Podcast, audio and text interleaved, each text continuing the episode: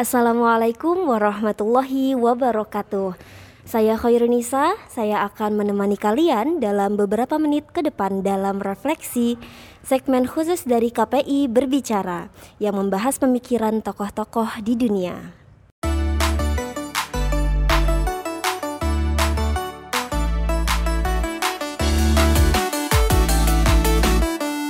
Ibnu Khaldun merupakan salah satu filsuf Islam, mempunyai konsep kajian sosiologi tentang solidaritas dalam magnum opusnya, Muqaddimah.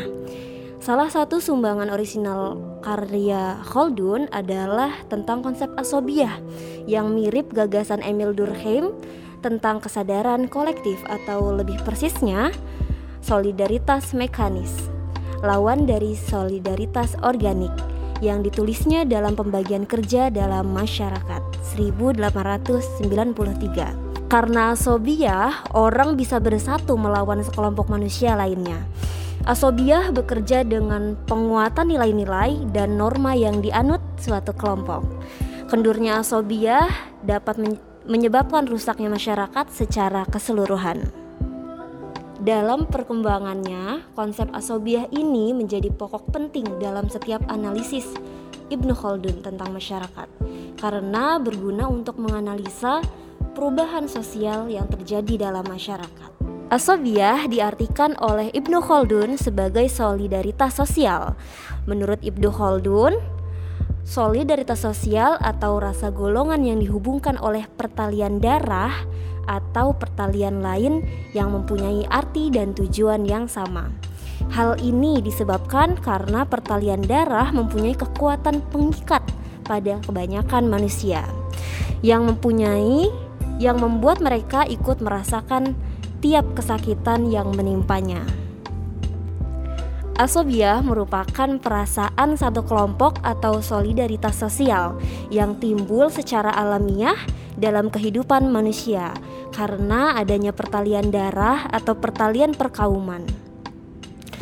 Perasaan cinta kasih tersebut menimbulkan perasaan senasib, sepenanggungan, rasa saling setia, rasa saling membutuhkan, terlebih pada saat menghadapi musibah atau ancaman musuh, atau untuk mencapai tujuan tertentu.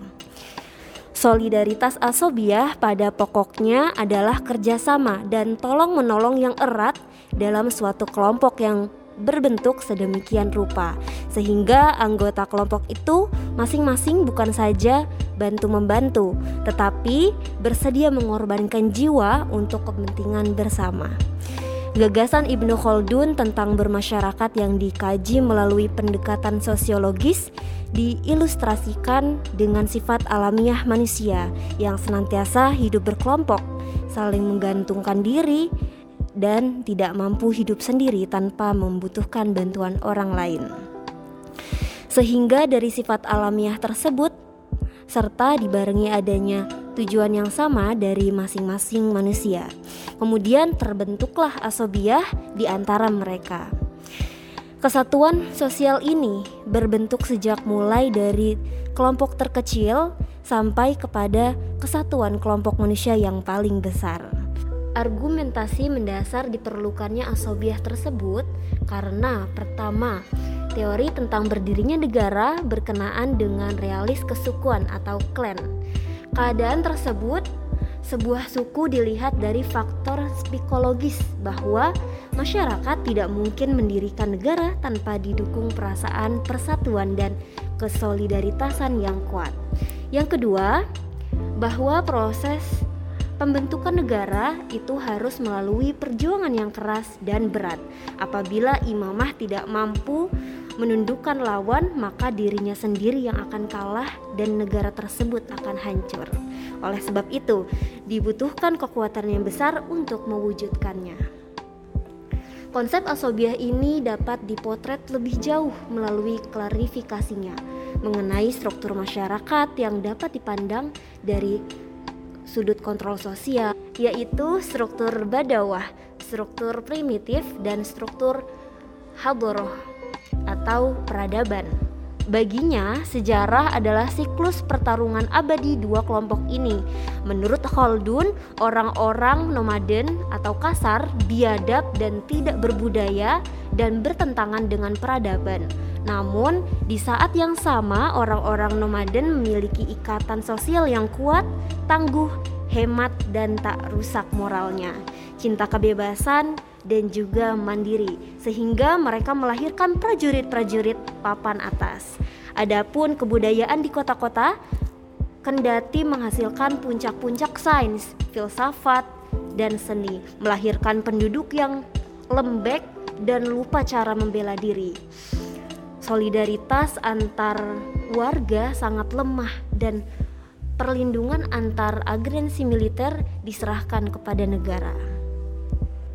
Jelasnya, kelompok yang cenderung primitif dan belum banyak mengalami kemajuan jauh lebih kuat tingkat solidaritasnya bila dibandingkan dengan masyarakat yang telah maju dan sudah berbentuk kota.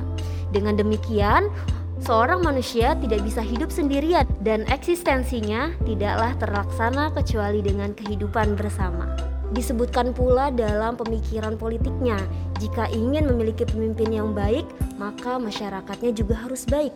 Begitu pula sebaliknya, jika ingin mewujudkan masyarakat yang damai, aman, dan sejahtera, seorang pemimpin harus benar-benar sempurna. Dan untuk itu, Ibnu Khaldun mengharuskan seorang pemimpin memiliki solidaritas yang sangat tinggi. Karena dalam membangun suatu negara harus terdapat kesolidan antar pemimpin dengan masyarakatnya. Rakyat harus taat kepada pemimpin dan pemimpin juga tidak boleh merasa bahwa ia tidak butuh masyarakat. Oleh karena itu, Ibnu Khaldun beranggapan bahwa seorang kepala negara harus memiliki solidaritas sosial yang tinggi agar mampu menumbuhkan solidaritas antar warga negaranya untuk ikut mengendalikan ketertiban dunia. Masyarakat juga harus meningkatkan solidaritas kelompok masing-masing individu dan setelah solidaritas masing-masing individu mengakui solidaritas seorang pemimpin, maka akan siap untuk tunduk dan patuh pada pemimpinnya, sehingga menciptakan pemimpin yang unggul dan berkualitas di dalam sebuah negara. Demi menumbuhkan rasa solidaritas tersebut, maka dibutuhkan rasa ingin bersatu yang sangat kuat. Keinginan tersebut biasanya dilandasi oleh adanya tujuan dan kepentingan bersama yang ingin dicapai.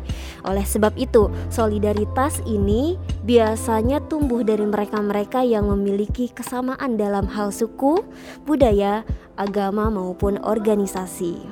Ibnu Khaldun mempunyai keyakinan bahwa kekuasaan harus ada dalam masyarakat untuk menjaga eksistensinya dan mengatur sistem interaksi muamalah antar mereka. Dalam konsepnya, kekuasaan harus didasari oleh asobiah atau solidaritas di dalam kelompok masyarakat yang mempunyai kesepakatan untuk mendirikan kekuasaan mempunyai komitmen yang sama. Asobiah ini bukan hanya karena pertalian darah, tapi bisa dengan perjanjian, persamaan nasib, dan latar belakang. Hanya saja memang harus diakui bahwa garis nasab sangat menentukan dalam regenerasi kekuasaan. Terjadinya kudeta dari sistem khilafah ke sistem kerajaan setelah Ali membuat Ibnu Khaldun semakin yakin tentang signifikansi konsep asobiah ini. Berangkat dari konsep ini, suatu negara yang dibangun dengan prinsip asobiah keturunan hanya akan bertahan selama empat generasi karena sampai ke empat generasi asobiah akan pudar dan runtuhlah negaranya. Untuk tahap selanjutnya, kekuasaan akan beralih ke kelompok yang mempunyai asobiah lain. Tensis ini berangkat dari jatuh bangunnya negara pada masa lalu yang menganut sistem kerajaan. Sebagaimana yang diungkapkannya, ketahuilah bahwa kerajaan merupakan tujuan dari tabiat asobiah yang prosesnya regenerasinya bukan dengan pemulihan, melainkan dengan garis keturunan secara berurutan. Hal ini akan berbeda apabila sistem yang dianut adalah republik, di mana kekuasaan tidak terletak pada golongan tertentu, melainkan terletak pada rakyatnya.